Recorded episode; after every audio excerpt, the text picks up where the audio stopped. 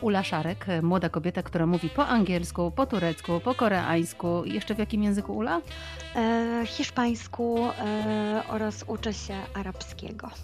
Dzień dobry, witam cię pięknie. Dzień dobry, Kasiu, witaj. Powiedz mi, jak śnisz, to w jakim języku? Ojejciu, to jest dobre pytanie. Zdarza mi się śnić e, w innych językach, przede wszystkim chyba turecki, bo to jest język, którego po języku polskim i angielskim używam najwięcej, e, więc zdarza mi się faktycznie śnić w innych językach. I wtedy, gdy coś ci się śni, to ty myślisz i mówisz ty sama również w tym języku tureckim? Tak, zgadza się. A w jakim języku myślisz, rozmawiając na przykład e, właśnie z Koreańczykiem e, czy Anglikiem, myślisz w ich językach, czy myślisz po polsku i sobie to tłumaczysz? Więc to, co jest bardzo ciekawe z językami obcymi, faktycznie w momencie, gdy uda nam się uzyskać już dobry poziom języka obcego, faktycznie myślimy w tym języku i myśląc w tym języku też. Yy, tak naprawdę zabieramy troszeczkę tej kultury, która się łączy z tym językiem. Więc ja śmieję się troszeczkę, że mam taki stryczek, przełącznik, gdy na przykład wyjadę do Turcji, potrafię od razu wejść e, w zachowanie, które jest tam powiedzmy społecznie akceptowane i faktycznie zmienia się troszeczkę moja osobowość jako człowieka. A zaczęła się ta Twoja historia z językami chyba od studiów e, na uniwersytecie w Turcji, tak? E, tak, tak naprawdę uczyłam się języków obcych już od bardzo młodego wieku, bo miałam 4 lata, kiedy zaczęłam się uczyć języków obcych, ale tak jak wszystkim wiadomo, nauka języków każdemu przychodzi w zupełnie inny sposób. I mimo tego, że uczyłam się długie, długie lata języka niemieckiego w szkole podstawowej, nigdy nie był to taki język, e, jaki chciałabym osiągnąć. Dopiero po czasie zrozumiałam, że mamy tak naprawdę nieskończone możliwości i nasz mózg e, tak naprawdę został stworzony po to, aby przetrwać i adaptować się do pewnych sytuacji społecznych. I zrozumiałam to właśnie na studiach, gdy wyjechałam do Turcji i w ciągu pół roku nauczyłam się języka tureckiego. A jaka tu była kolejność? Ty najpierw pojechałaś e, na wybrany przez siebie kierunek do Turcji i później zaczęłaś się uczyć języka tureckiego? Czy najpierw uczyłaś się języka tureckiego i potem z racji tego, że już umiałaś, pojechałaś do Turcji? Pojechałam e, na wymianę studencką, na e, psychologię, dokładnie studiowałam psychologię w Stambule, nie umiałam żadnego słowa. I tak naprawdę tutaj mogę Ci przytoczyć bardzo śmieszną anegdotę, ponieważ w momencie, gdy przyleciałam do Turcji, usłyszałam pewną kobietę, która biegła za swoim mężem i dziećmi i krzyczała Farket mes, farket mes. I zapytałam się pani, która stała koło mnie, a leciała ze mną e, i mówiła po angielsku e, Turczynka, co to znaczy to słowo farket mes. I ona powiedziała mi, doesn't matter. I wtedy, mm -hmm. gdy usłyszałam Doesn't Matter, zapytałam się It does to me, czyli e, ja jednak chcę wiedzieć, co to znaczy. Powiedziała mi po angielsku, e, to nie jest ważne. Ja powiedziałam, mm -hmm. że mhm. dla mnie to jest ważne. Odpowiedziała jeszcze raz, to nie jest ważne. I ja mówię, no właśnie, dla mnie to jest ważne. Ona, proszę pani, to znaczy, to nie jest ważne. tak, więc to było Aha. moje pierwsze słowo po turecku. Zazwyczaj wszyscy uczą się dzień dobry, dziękuję, przepraszam. U mnie było to troszeczkę inne słowo, it doesn't matter. Ula, w jakiej y, sytuacji, jak to jest, że jak mówiłaś e, wcześniej, gdy y, przestawiasz się na inny język, to jest jak pstryczek w głowie. Pstryk i mówisz po, po turecku, pstryk i y, rozmawiasz po hiszpańsku. Tak naprawdę y, to jest niesamowite, ponieważ y, na pewno słyszałaś takie zdanie: granice mojego języka to granice mojego świata. I faktycznie ja się osobiście z tym zgadzam. Po turecku jest takie powiedzenie: jeden język to jeden człowiek. Czyli każdy kolejny język, który poznajemy, dodaje nam jakby dodatkowej osobowości i dodatkowych możliwości poznania świata i ludzi. I to, co jest bardzo ważne w nauce języków i wydaje mi się, że bardzo mało osób zdaje sobie z tego sprawę, e, to jest e, to, że nauka języków obcych, tak zazwyczaj myślimy, że dziecko łatwiej się uczy od dorosłych. Ja bym powiedziała, że to jest jednak mit, ponieważ nauka języków obcych może nam przyjść w każdej chwili w taki sam sposób. E, dlaczego? ponieważ im więcej słuchamy języka, tym więcej jesteśmy w stanie go poznać i zauważ, że to nam teraz oferuje na przykład taka platforma bardzo znana Netflix, gdzie mhm. większość z nas korzysta teraz z oglądania filmów w różnych językach. Oglądamy je z napisami polskimi bądź e, w języku, e, Y, danego filmu i w tym momencie osłuchujemy się z tym językiem i słuchając kolejnego słowa po raz kolejny, widząc też y, napisy, jesteśmy w stanie zapamiętać to słowo. Dlaczego? Bo jesteśmy ciągle, bo nam ciągle y, film powiedzmy przypomina to słowo i po jakimś czasie zapamiętujemy. Nauka języka dla mnie polega na tym, że język musi żyć i to jest najważniejsze, co musimy pamiętać. Co oznacza to, że język musi żyć? Język musi być powiązany z pewnymi wspomnieniami, zapachami, zdarzeniami, doświadczeniem.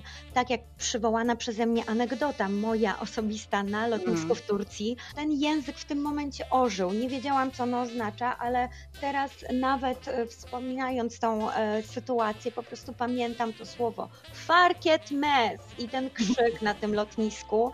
I to, co my musimy robić, aby ten język właśnie ożył, e, powinniśmy się skupiać na tym, aby być odważnym, nie bać się robić błędów, e, nie porównywać się do innych osób, ponieważ każdy ma zupełnie inny sposób nauki i tak naprawdę jest bardzo wiele teorii, jak powinniśmy się uczyć języka, ale to my poprzez kontakt z językiem e, wybieramy odpowiednią strategię dla siebie. Urszula Szarek to kobieta, która mówi kilkoma językami: e, hiszpańskim, koreańskim, tureckim, angielskim i uczy się właśnie arabskiego. Dzisiaj w Radiu Wrocław e, rozmawiamy o tym, no właśnie, jak uczyć się języków, żeby nie było na przykład tak.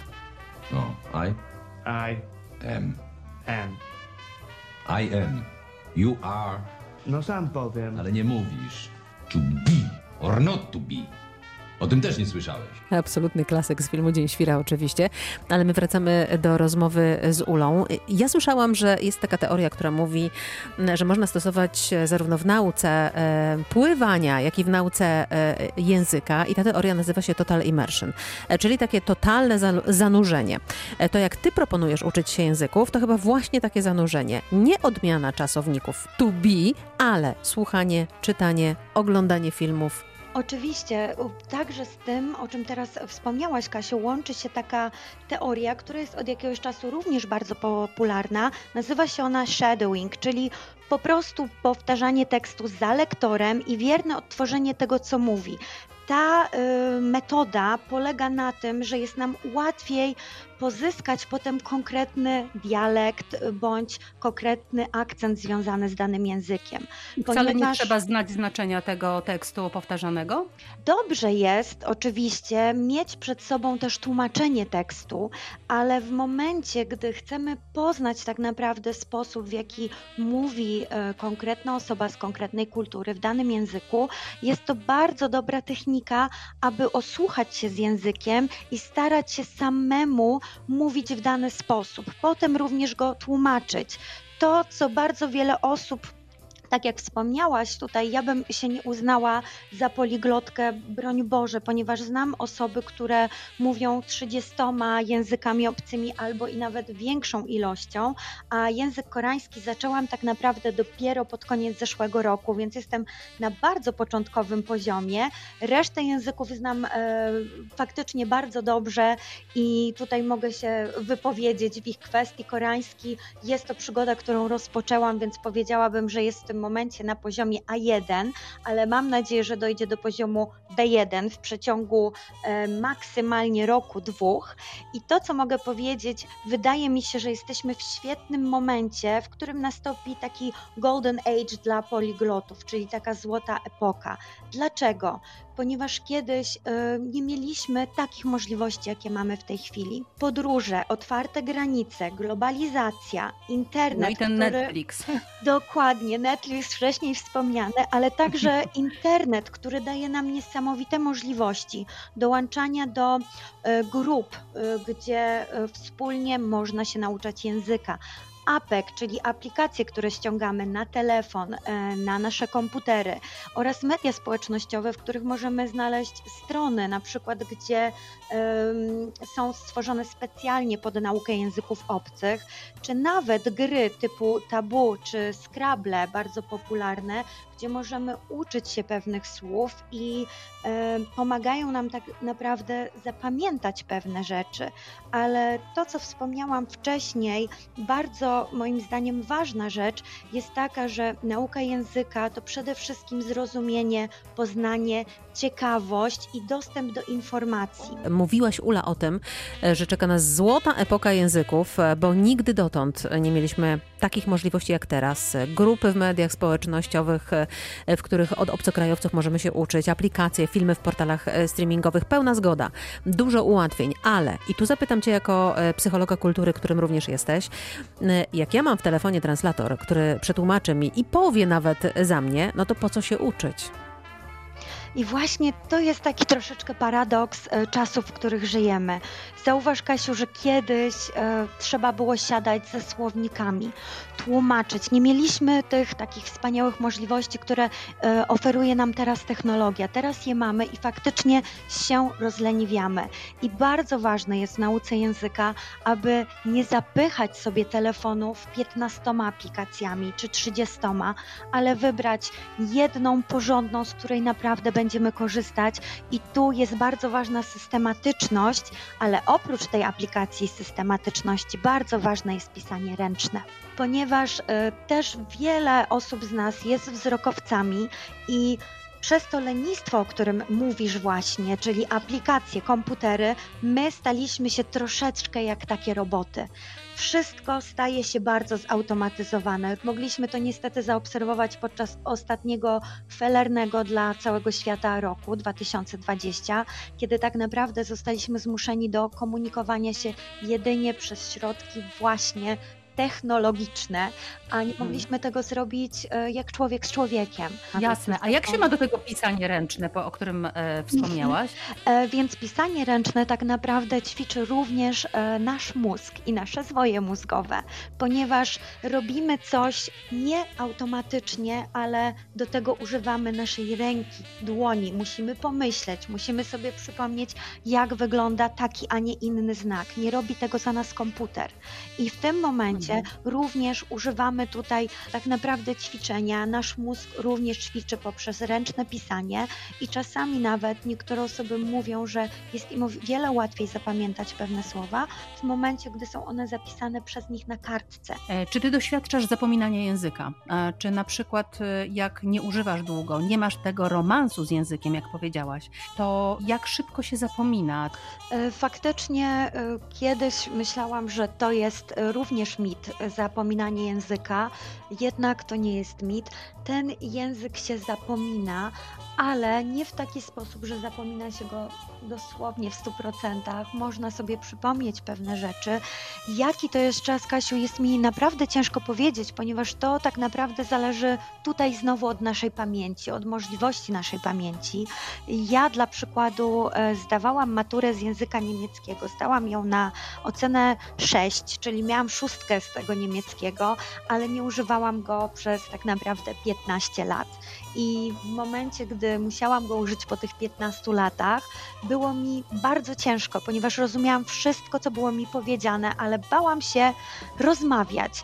Jesteś osobą niezwykle zajętą. To już naprawdę ostatnie pytanie. E, Tych języków cały czas się uczysz. Rozumiem, że robisz to każdego dnia. Jak, jak to się e, technicznie odbywa? Twój plan dnia i jak w tym planie e, odnajdują się języki obce? Staram się nie trzymać tak kurczowo każdego dnia tego samego planu, troszeczkę go zmienić, ale definitywnie te pół godziny dziennie poświęcić na jakiś język obcy. Mamy złotą erę języków obcych, więc e, wykorzystujmy to. Ula, bardzo dziękuję.